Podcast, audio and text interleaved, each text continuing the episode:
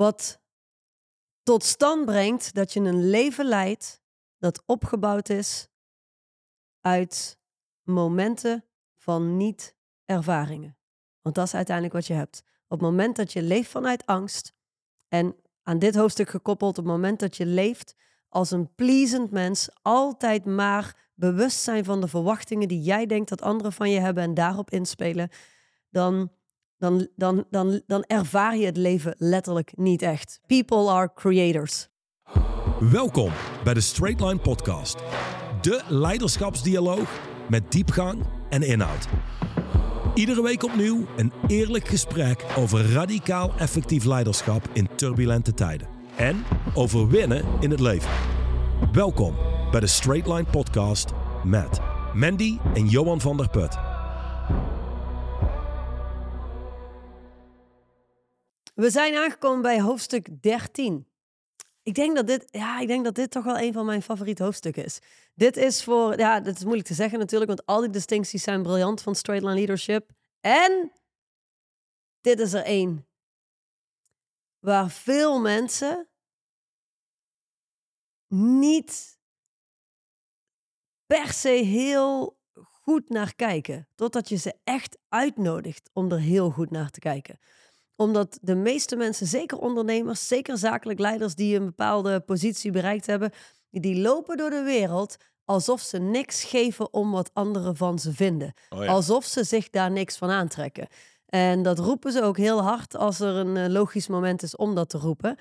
Terwijl als je met ze in gesprek gaat en tot diepere lagen kunt komen, dan komen ze erachter dat een heel groot deel van hun leven en persoonlijkheid gebouwd is op wat de wereld vindt van hen. Heel vaak zelfs komen ze erachter dat 99% van hun succes voortkomt uit zij die gedreven worden door wat de wereld vindt en wil van hen. Ik heb zo ooit een gesprek gehad met iemand die zei: eh, pleasing versus serving. Pleasen. Een belang, belangrijk vinden waar mensen van bedenken. Dat heb ik helemaal niet. Dat heb ik echt niet, zegt hij. En dit is iemand, geen cliënt of zo. Ehm, die had net een nieuwe auto gekocht. Die die niet kon betalen. Wat ik onbegrijpelijk vond. En die, uh, het is een ondernemer, kleine ondernemer. En uh, vanuit daar van, naar van die netwerkmeetings gaat. Waarbij iedereen bij die netwerkmeeting, en dat vertelde hij ervoor, ah, die kijkt eigenlijk wel tegen hem op. En toen zei ik, hoe kan het zijn dat die mensen tegen je opkijken? Want ik weet, je kocht net een Audi A6 die je eigenlijk niet kon betalen, althans, dat is wat je zelf zei. En mensen zien jou binnen je netwerkclub als zeer succesvol. Hoe kan dat? Dat is toch iets waar jij ze mee voert. Waarom is die auto dan zo belangrijk? Waarom wil je die per se rijden? Dat je hm. eigenlijk meer geld uitgeeft dan je hebt. En na een kort gesprek kwam hij tot de realisatie: holy shit. Heel mijn leven draait om wat anderen vinden van me. Ja, precies. Om het beeld wat ik kan schetsen richting anderen. Dus de uitnodiging voor iedereen die luistert, of je nou iemand bent die denkt, oh ja, ik ben constant bezig met wat mijn omgeving van me vindt, of je denkt, ik ben daar helemaal nooit mee bezig. De uitnodiging aan iedereen die luistert of kijkt is, sta eens open. Sta gewoon eens open voor de mogelijkheid dat ook deze distinctie in jouw leven voor een heel groot deel de show runt. Uh, of niet per se de distinctie, maar het constant plezieren van iemand. Nou. Het, hetgene waar je naar wil kijken is in welk domein van je leven. Uh, zakelijk gezien, persoonlijk gezien, richting je kinderen, richting je partner, richting je businesspartner, richting je medewerkers, richting vrouwen voor sommige mannen. Dat is echt verschrikkelijk. Dan heb je mannen, zijn maar succesvolle ondernemers en dan komen er een paar mooie vrouwen binnen en in één keer zijn het net gewoon kleine jongetjes die alleen maar bezig zijn met indruk willen maken. Dus je hebt al die verschillende domeinen. Mijn inschatting is, er zijn een aantal domeinen waarbij je de show runt. En, en wellicht bepaalde domeinen waar je het wel overwonnen hebt. Exact. En dan heb je natuurlijk nog, in hoeverre ben je jezelf aan het pleasen of daadwerkelijk jezelf van dienst. Oké, hoofdstuk 13 staan we vandaag bij stil. En de distinctie is iemand een plezier doen versus iemand van dienst zijn. Nu, in het Engels uh, is die distinctie iets uh, pakkender. Dat staat ook hier meteen aan het begin van het hoofdstuk. In de originele Engelse versie van Straight Line Leadership wordt deze distinctie omschreven als pleasing versus serving. Het gaat hier dus ook niet om iemand af en toe een plezier doen, maar om de staat van pleasen. Dat is waar we naar kijken. Dus ik zou zeggen, laten we de rest van de podcast spreken over pleasing versus serving. Ehm, altijd, ik pak een klein stukje van het hoofdstuk erbij. Altijd en constant de goedkeuring nodig hebben van andere mensen is een gevaarlijke verslaving. Hier moet je van afkicken als je iets wil maken van je leven. Continu mensen willen pleasen is een energievretende bezigheid. Hoe zit het nu? Hecht je meer waarde aan goedkeuring van anderen dan aan gewoon heel waardevol zijn? Dat is een vraag. Anders gezegd, wil je iemands goedkeuring of wil je iemand echt daadwerkelijk helpen? Dat zijn namelijk twee totaal verschillende werelden. Ja, en zeker als je kijkt naar coaching. Dus als je dat hoofdstuk begint, geloof ik, met wat Duchan doet als straight line coach. En waar de meeste coaches op een soort ego-trip zijn om er goed uit te zien op Facebook en noem maar op. En hun cliënten of klanten, maar net hoe ze het noemen, pleasen. Gewoon spreken naar hun oor. Vertellen wat ze willen horen.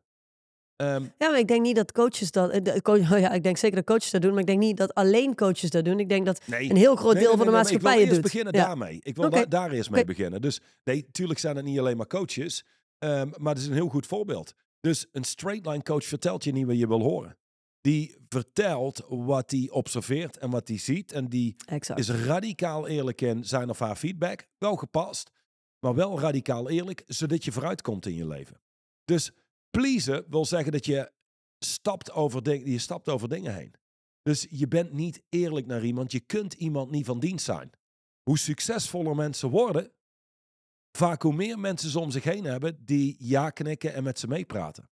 Dus in veel gevallen, en dit is wel grappig, als mensen mee gaan doen aan een van onze lidmaatschappen. ehm, en we hebben bepaalde lidmaatschappen met groepen waar radicaal eerlijke mensen in zitten.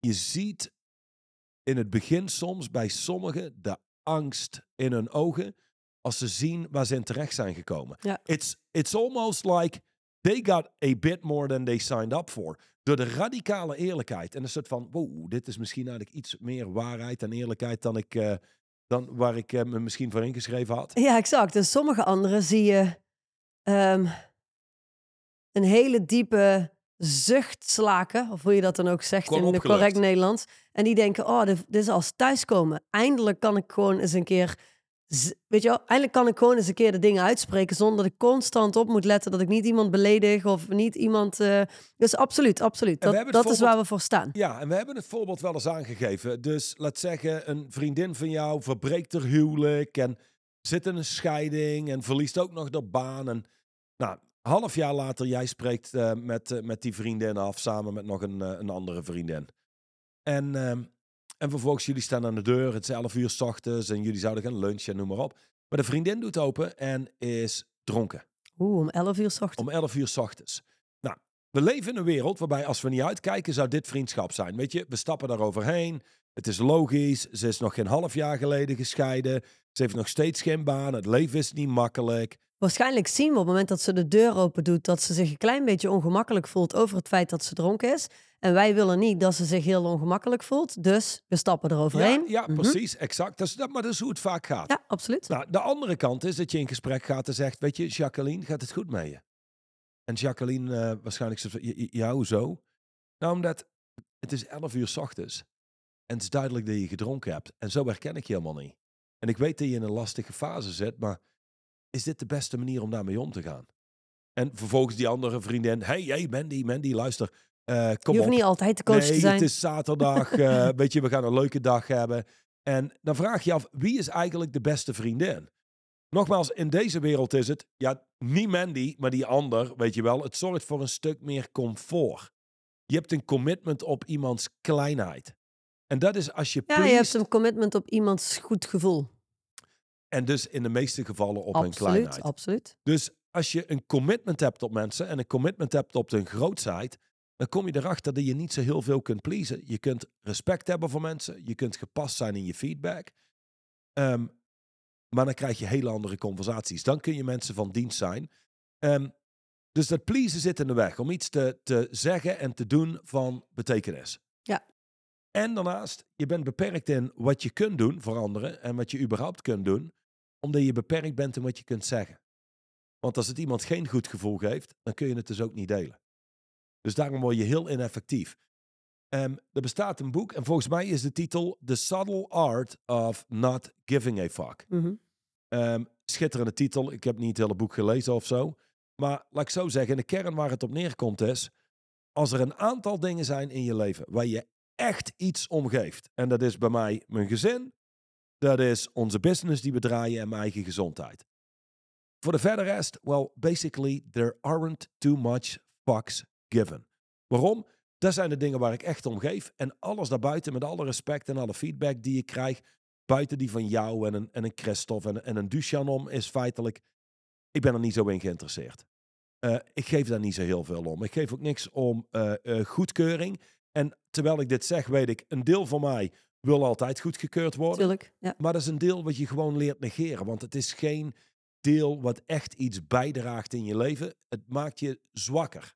En het maakt je minder waardevol voor anderen. En het beperkt je in de acties die je kunt ondernemen. Dus voor heel veel mensen zou het helpen de doelen in hun leven en dat wat er echt toe doet, daar een heel stuk meer om te geven. En een heel stuk minder te geven om wat anderen vinden of denken van ze. Zou je kunnen stellen dat dat een automatisch gevolg is als je een paar dingen in je leven heel belangrijk maakt? Daar ben je extreem op gecommit. En dat is gewoon waar je je leven rondom inricht. Ehm, dat er meer of minder fucks given eh, het gevolg zijn daarvan? Ja. Zou je dat kunnen stellen? Ja, absoluut. Ja. Eh, zeker, want het maakt eh, in één keer hoe mensen, nog, nogmaals, ben gepast. Er, er is Hm. niks makkelijker als, als een of andere bruut iedereen lomp feedback geven en totaal ongepast te zijn. Absoluut. Dan gaat je wereld ook niet werken. Eh, maar er is iets magisch aan. Denk aan het volgende. Ik zit in San Francisco in de hotelkamer te werken met Duchan. Christophe was er ook bij. De airco is kapot. Het is midden in de zomer, dus die kamer wordt warm. Eh, wij krijgen hem niet aan, dus Duchan belt naar beneden naar de receptie. Komt een kerel binnen, die zegt... Hi, I am... Hoe zei hij het nou ook alweer? Ehm, oh, ja, dit, zo zei hij het. Hi, I'm Robbie. I'm here for the air conditioning. En oké, Robbie loopt door en die eh, maakt de airconditioning. Is klaar, nou weet ik veel, drie kwartier. We zitten de, de ruimte daarnaast te werken. En hij komt aan en hij geeft zijn businesscard. Hij zegt, eh, ik sta los van de Four Seasons Hotel. Mochten jullie vandaag dus op een zondag iets nodig hebben, dan kun je me direct bellen. En Duchan die kijkt ze naar de kaartje. I thought your name was Robbie. Oh, yeah, but my business card says Roberto Riveras. En Duchan zo, can I mention one thing? En die kerel zo, uh, yeah, sure. Well, I would say I would have a beer or, you know, get a drink. If I would do that, I'm not a person who does that. But if I would go out for a beer, I would bring Robbie. But if I would do business with somebody, I would do business with Roberto Riveras. Can you do this for me? Can you say, Hi, I'm Robbie? And I zo, Hi, I'm Robbie. And Duchan zo, Okay. And now can you say, Hi, I'm Roberto Riveras? En die man zo, Hi, I am Roberto Riveras. It sounds way more powerful. I would say just let your friends call you Robbie. And for business partners, people you, you uh, engage in business with, you're just Roberto Riveras. En een jaar of vier later, Duchan stuurt een e-mail door van Roberto Riveras. N- niet van Oh, niet? Robbie, niet, van Robbie, Nee. van Roberto Riveras. Ja, en die stuurt hoeveel impact het heeft gemaakt. Hm. Dat korte moment met Duchan. Nu, de andere kant, wij lopen een keer in een soort van gamma-achtige winkel eh, binnen in San Francisco. En ehm, oh, we hadden een opname-ding nodig. Dus toen ik voor het eerst naar San Francisco ging, Een recording had je device. zo'n recording device. En dat was zo'n soort, weet ik veel, hardware-achtige store. Mhm. Dat- waarschijnlijk vinden we het daar. Wij komen daar binnen. Duchan spreekt zo'n gewoon een gemiddelde medewerker aan. En die zegt, oh, I have no idea, sir. You, you can ask it to somebody over there. En die wijst zo naar achter in de winkel. En Duchan zo, are you open for some feedback? En, en die jongen zo, uh, fe- feedback? Oh, uh, yeah. Okay, let, let me tell you this. So right now, you're telling us to go over there and find find another employee who can help us with the recording device. Now, this is my notion, and I have been in business for years and years and years. So this is one thing. What do you want to do in your life? And and the jongen zo, well, maybe end up with a a store like this, you know, own a store like this. and Duchamp said, oh, okay, well, great. This will be perfect advice. So the next time somebody comes up to you and asks you a question that you can't, can't answer, just go along with them, find out what the answer is. And after a couple of months, you're known as Mr. Answerman. In other words, you have all the answers in the world regarding this store and hardware and equipment. And, and I go, hmm, yeah. So if they would ever lay off people, do you think they lay off Mr. Answerman? No, I don't think so. Good, good. I would say remember that for a little while and just see what you can do with it. En die jongen zo, thank you sir, follow me. En we lopen in één keer achter die jongen aan en die eh, brengt ons in contact met iemand die ons helpt. En hij loopt zo mee en bedankt Duchan nog een keer.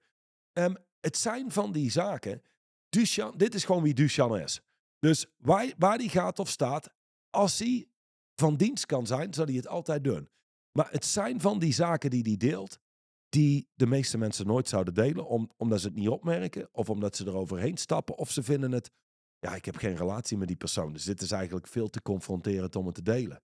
Maar als je kijkt naar Duchan, ehm, die wordt op handen gedragen door mensen waar hij mee werkt, want luister, je kunt van één ding op aan.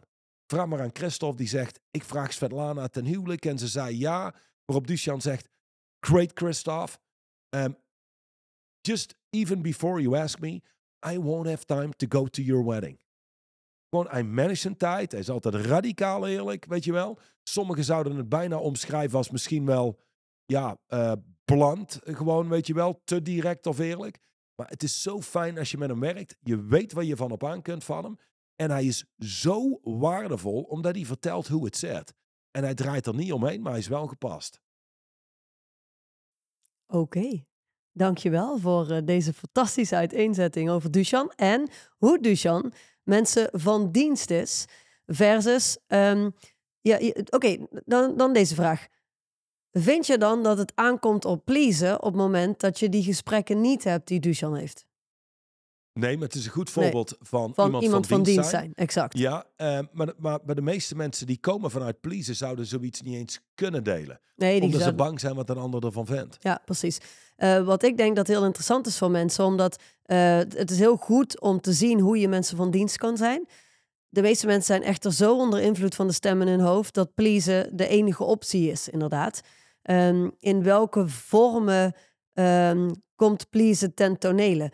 En wat ik daarmee bedoel is, op het moment dat iemand ehm, in de situatie die Duchan daar heeft, hè, richting die jongen in die bouwmarkt, eh, wat, wat veel mensen zouden doen, ondernemers, die zouden het opmerken. Wat daar eigenlijk gebeurt. Dat wat Duchan opmerkt. Ik bedoel, het is geen hogere wiskunde wat hij opmerkt. En die zouden weglopen. En die zouden er of in hun hoofd iets van vinden. Of misschien zelfs richting elkaar. Dat is toch niet normaal. Maar moet je kijken hoe mensen tegenwoordig in de winkel je behandelen. Ze lopen niet eens meer mee. Whatever. Ze zouden daar een hele hoop mening over hebben. Ehm, ik denk dat dat, dat een, een, ja, een, een belangrijk onderscheid is om te maken hier. Wanneer ben je aan het pleasen? Want mensen zien pleasen als eh, op het moment dat je... Dit is een goed voorbeeld. In San Francisco. Wij zitten daar samen met Duchan opnieuw in een hotelkamer. En er komt een dametje binnen. En dat dametje die kwam altijd hè, het- water verversen en kijken of er koffiebonen nog genoeg waren, noem maar op. En toen zei Duchan, weet je dat nog, dat, die, de, dat dat dametje de hotelkamer verliet en dat hij zei, she is one of the, of ik zal het even in het Nederlands doen, we zitten in een Nederlandse podcast. Zij is een van de, de, de meest manipulerende mensen die we hier tot nu toe binnen hebben gehad. Dat wij keken en dachten, oké, wat bedoelt hij daar nou mee? Want het was zo'n heel lief, aardig Ah, ja. vrouwtje. Zo'n klein, tenger, lief ding. Hello, how are you today? Can I help you with something? Is there something that I can be of service? Weet je wel, gewoon zo heel schattig.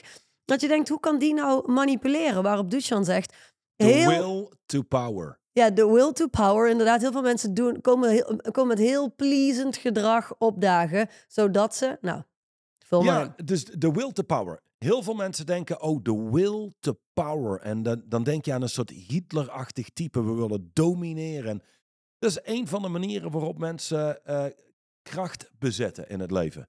Maar het pleasende vrouwtje. "Ah, Hi, I'm, I'm sorry, sir. Is it okay if I come in? I- I'm sorry. Is, is it okay if I do the bathroom? Ja, zeg maar onderdanig eigenlijk. Ja. Bijna onderdanig. Exact. Maar het is een, een vorm van pleasen. Het is een vorm van willen controleren wat mensen denken van je.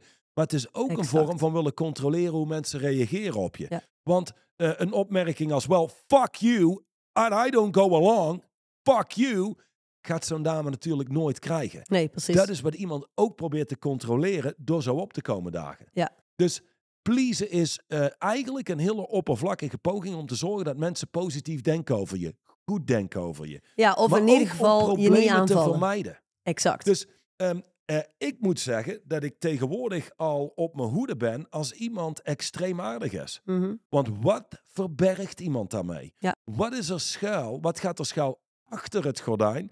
Waardoor iemand altijd aardig moet zijn. Dat is een goeie wat jij daar zegt. En ik denk dat die heel interessant is om uit te diepen. Omdat, ehm, eh, als ik heel eerlijk ben, heeft dat een, een, een aantal mensen, een aantal lessen geduurd voordat ik die les echt leerde.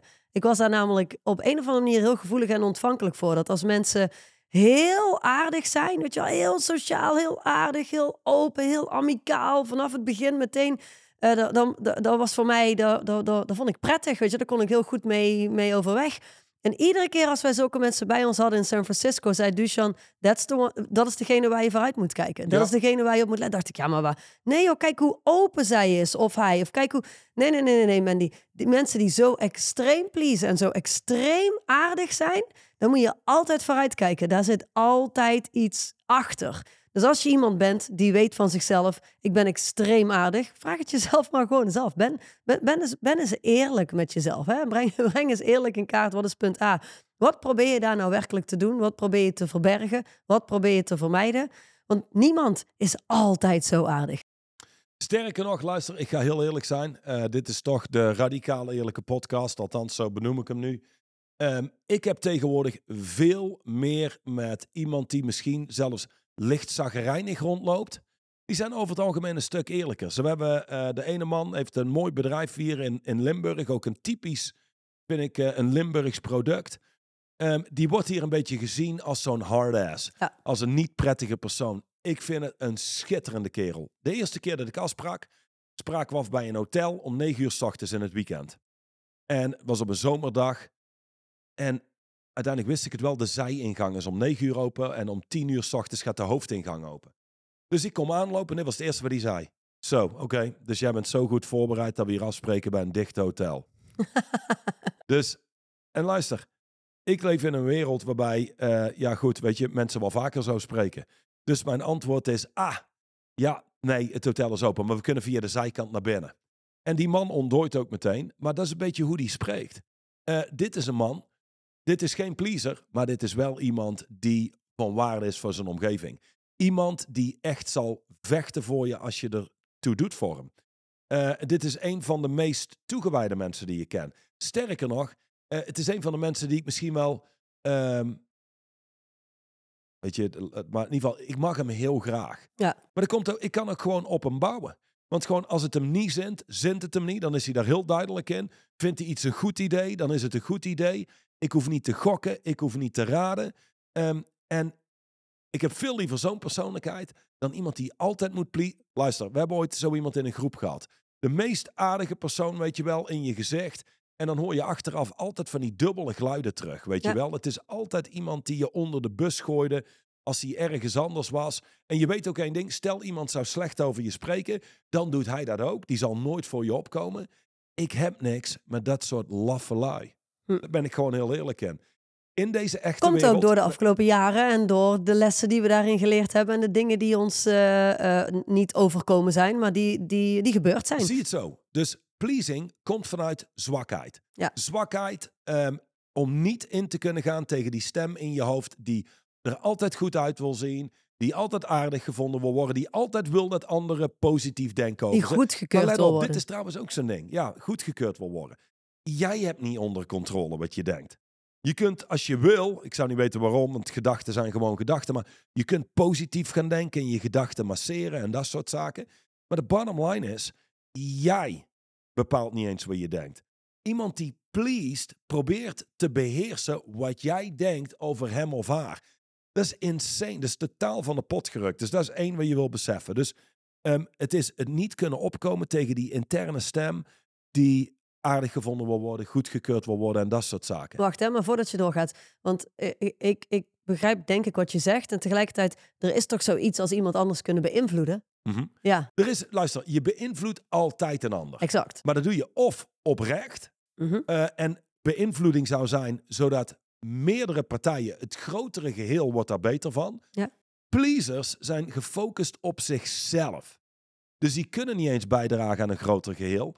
Want die kracht bezitten ze niet, omdat het alleen maar draait om hun en hun imago. Absoluut. Maar we leven wel in een tijd en in een maatschappij waarbij pleasers. eh, ik zou bijna willen zeggen, een stuk, ja, niet bijna, een stuk makkelijker algemeen geaccepteerd worden dan mensen die gewoon heel eerlijk zijn. En dan word je dus geaccepteerd voor wie je niet bent. Nee, exact. Het is niet dat ik daarin geïnteresseerd Mhm. ben, maar het is wel belangrijk om het, om het grotere plaatje even te, te schetsen. Want die mensen die altijd heel aardig zijn en die altijd zo, eh, weet je wel, die, die, die, die altijd precies zeggen waar je blij van wordt en altijd voor je klaarstaan en altijd de meest attente zijn, et cetera, et cetera. De- ja, dat zijn mensen die in deze maatschappij natuurlijk wel eh, heel erg geaccepteerd worden. Ik wil niet zeggen dat ze effectief zijn. Ik wil niet zeggen dat ze ver komen. Het zijn geen Maar- leiders. En het zijn inderdaad geen leiders, maar het zijn wel mensen die, die, heel, die door iedereen aardig gevonden worden ook. Door het gros, zeg Mhm. maar, het gros. Dat is denk ik wel belangrijk om te benoemen. Echter, door iedereen aardig gevonden willen worden. Ik weet nog dat wij jaren geleden hebben wij een vriendin gehad. Eh, daar hebben we nu eigenlijk praktisch geen contact meer mee.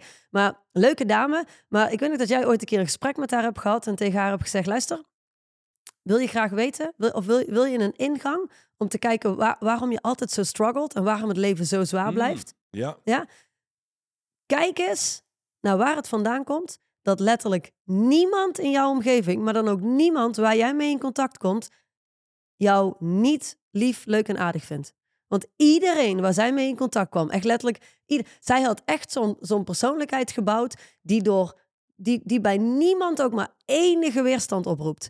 Alleen op het moment dat je, in business zeggen we het, als je er bent voor iedereen, dan ben je er uiteindelijk voor niemand. Of als je er bent voor iedereen, dan word je door niemand gekozen. En dat geldt natuurlijk eh, voor dit ook. Je, je, je, moet niet willen leven in een wereld waarin iedereen je leuk en aardig vindt. Want iedereen vindt je leuk en aardig, maar neem je vervolgens niet echt serieus. ja zeker. Het, Ja. is niks zeggend. De bottom line is, Exact. als jij ergens een standpunt voor inneemt in je leven, dan heb je voor- en tegenstanders. It just comes with the territory. Ja. De- de- en zeker ondernemen. goh, d- er zullen ongetwijfeld eh, partijen zijn waar bijna iedereen van houdt. Maar ik zou zeggen, de meeste bedrijven die echt iets betekenen, die hebben voor- en tegenstanders. Er zijn, eh, ik denk dat dit ook nog wel interessant is, er zijn best veel ondernemers eh, die ik gesproken heb in de afgelopen jaren, die starten met niks, zeg maar, gewoon een gemiddeld mens in een gemiddeld gezin in Nederland of Vlaanderen. En vanuit daar ehm, starten ze een bedrijf, werken knetterhard, bouwen iets groots en succesvols op, kunnen vervolgens misschien zelfs eh, een deel van de aandelen verkopen en serieus incasseren. Eh, of, of worden gewoon, ehm, eh, hoe zeg je dat, in de maatschappij überhaupt financieel succesvoller, welvarender. Ze kunnen naar een groter huis, ze kunnen een andere auto rijden, ze kunnen van alles doen. Ehm, daar zit ook namelijk een stukje pleasend gedrag. Dus ik ben even op zoek naar die ingangen, zodat mensen het bij zichzelf kunnen zien. Want er zijn best wel veel ondernemers die daar heel ongemakkelijk van worden. Ja, gewoon En- rondlopen met schuldgevoel over hun succes. Exact, exact dat. Ja, en en die dat- dat- vanuit dat- schuldgevoel over hun succes, pleasend zich gaan, gaan opstellen richting hun omgeving en Om een richting... schuldgevoel af te kopen. Ja, Ja. Dus eh, luister, ehm, ik, ik ben helemaal voor eh, gul en vrijgevig zijn. gul, vrijgevig en gepast. Ja, Absoluut. exact. Maar vanuit daadwerkelijk gewoon bij willen dragen. Niet om te pleasen of van mijn schuldgevoel af te komen. Dat ik het idee heb dat ik nou helemaal succesvoller ben dan een gemiddeld mens. En daar heeft iedereen een oordeel over. Dus nu heb ik een soort schuldgevoel wat ik zou moeten afkopen. Nee, hell no. Nee. Nu heb je een heel mooi voorbeeld gegeven. Hè? Je hebt uiteindelijk eh, heel duidelijk uiteengezet met onze Limburgse ondernemer waar jij zoveel van houdt. Ehm, hoe een niet-pleasend gedrag iets is wat heel effectief kan zijn. In ieder geval in Mhm. interactie met mensen zoals jij. Ehm, want in- met een hele hoop mensen waarmee hij in interactie is, werkt het niet zo heel erg Nee, goed. nee dus, dat is ook waar. Dat is de ja, dus ik vind het wel belangrijk om te benadrukken dat je hebt een pleasende kant en altijd maar goed willen doen voor andere mensen, zodat ze je aardig vinden of zodat ze je goedkeuren eh, of, of, of zodat ze je niet afwijzen. Maar, maar je hoeft niet door te slaan naar de andere kant. Want vaak zijn de mensen die Ja. zeggen, ik geef helemaal geen reet om wat mensen van me vinden. Het Oh ja, maakt me helemaal niks uit. aan Eh, aan en die zo heel bot doen. Ja. Heel eerlijk, eh, de- je zou dat misschien niet omschrijven als pleasend gedrag, maar ook dat zijn mensen die eigenlijk non-stop bezig zijn met wat de wereld van ze vindt. Precies. En aan de andere kant een, een defense Ja, mechanisme soort- ja, dat is ook een soort fixed personality. Ik moet altijd de waarheid spreken. Ik moet altijd... Precies, Nee, ik vind jou daarin trouwens een heel goed voorbeeld. dank je. Ehm, de, de mensen die ons huis gebouwd hebben, die zeiden... Goh, weet je, e- één ding, daar ga ik heel eerlijk in zijn. Dit wat we hier meemaken, maken we niet vaak mee. Want normaal gesproken, als wij een of andere mooie grote villa neerzetten, die eigenaren, die zien ons eigenlijk als een soort van... Goh, ehm, als een soort product. Een soort van als een soort object. En zijn over het algemeen ja, vrij ongepast, kortaf. Ehm Zijn, ze zijn niet geïnteresseerd. ja, exact. Die Maar komt mensen zijn niet interessant Exact, genoeg. weet je wel. Het is bijna, oké, dit is gewoon een werklui binnen mijn bedrijf. Het is bijna een object. Ehm, dit is overigens een distinctie. Objects versus people. Als je niet uitkijkt en je loopt de supermarkt in en je bent druk, behandel je de dame achter de kassa als een object. Je gaat uit eten en de ober die je eten neerzet, behandel je bijna als object.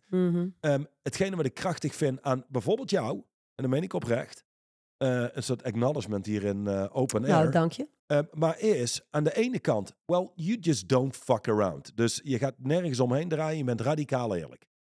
Richting mij, radicaal eerlijk. Richting Christophe, radicaal eerlijk. Misschien soms bijna op het botten af. Maar eh, bij, bij En mij... jullie kunnen dat Geen- appreciëren. exact, geen probleem.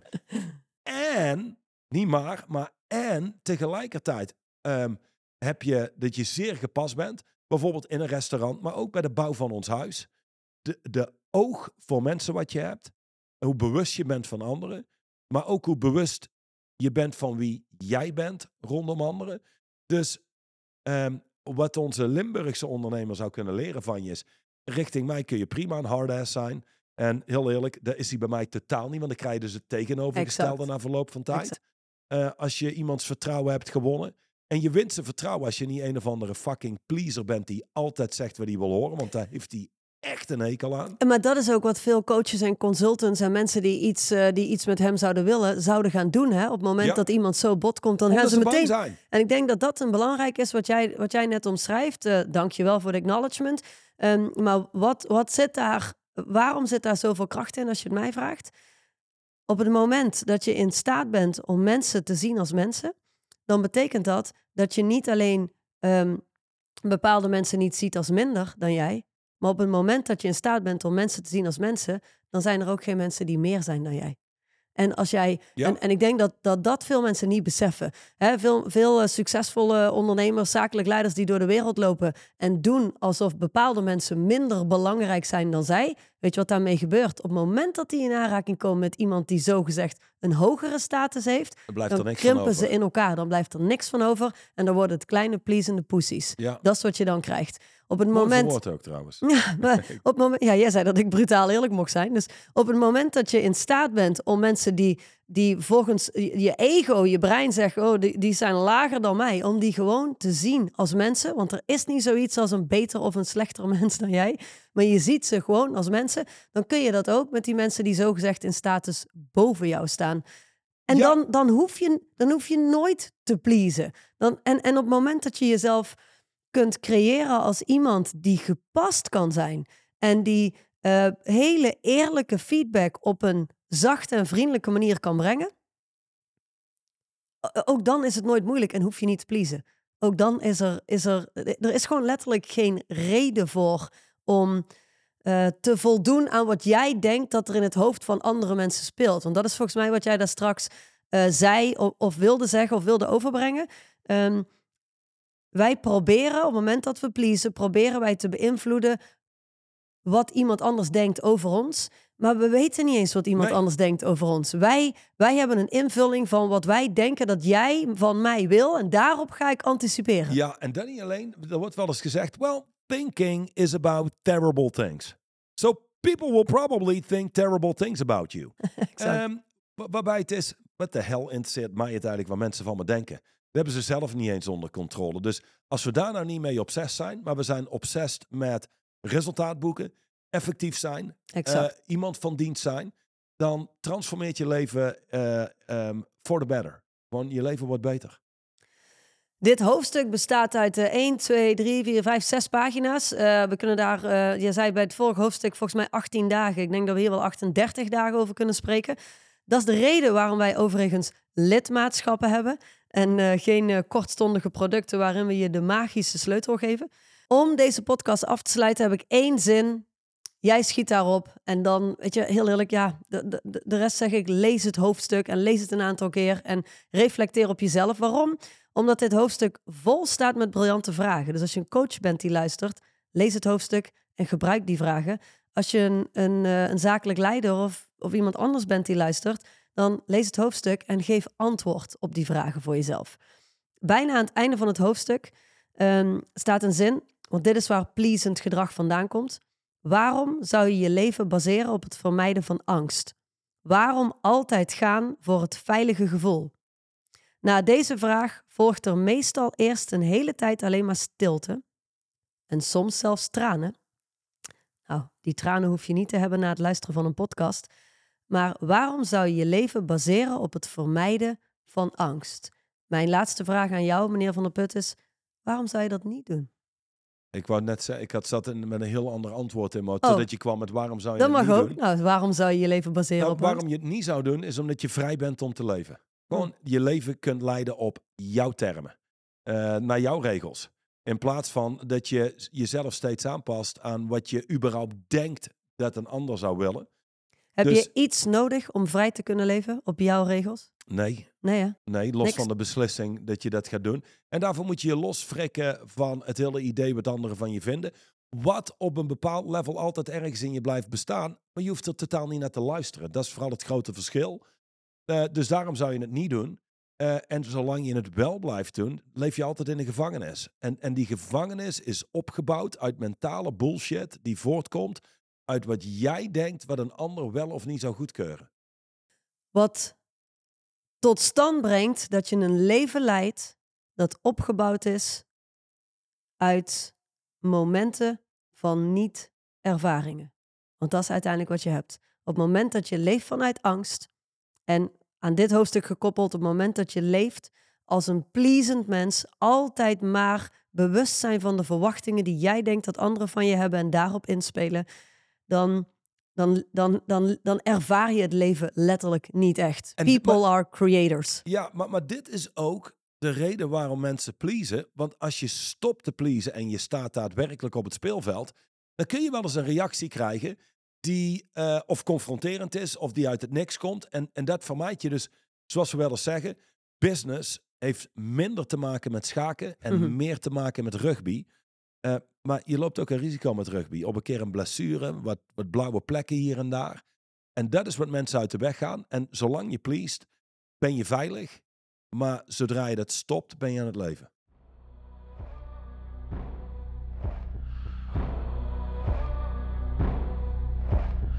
De overige podcast beluisteren of deze nog eens terugluisteren?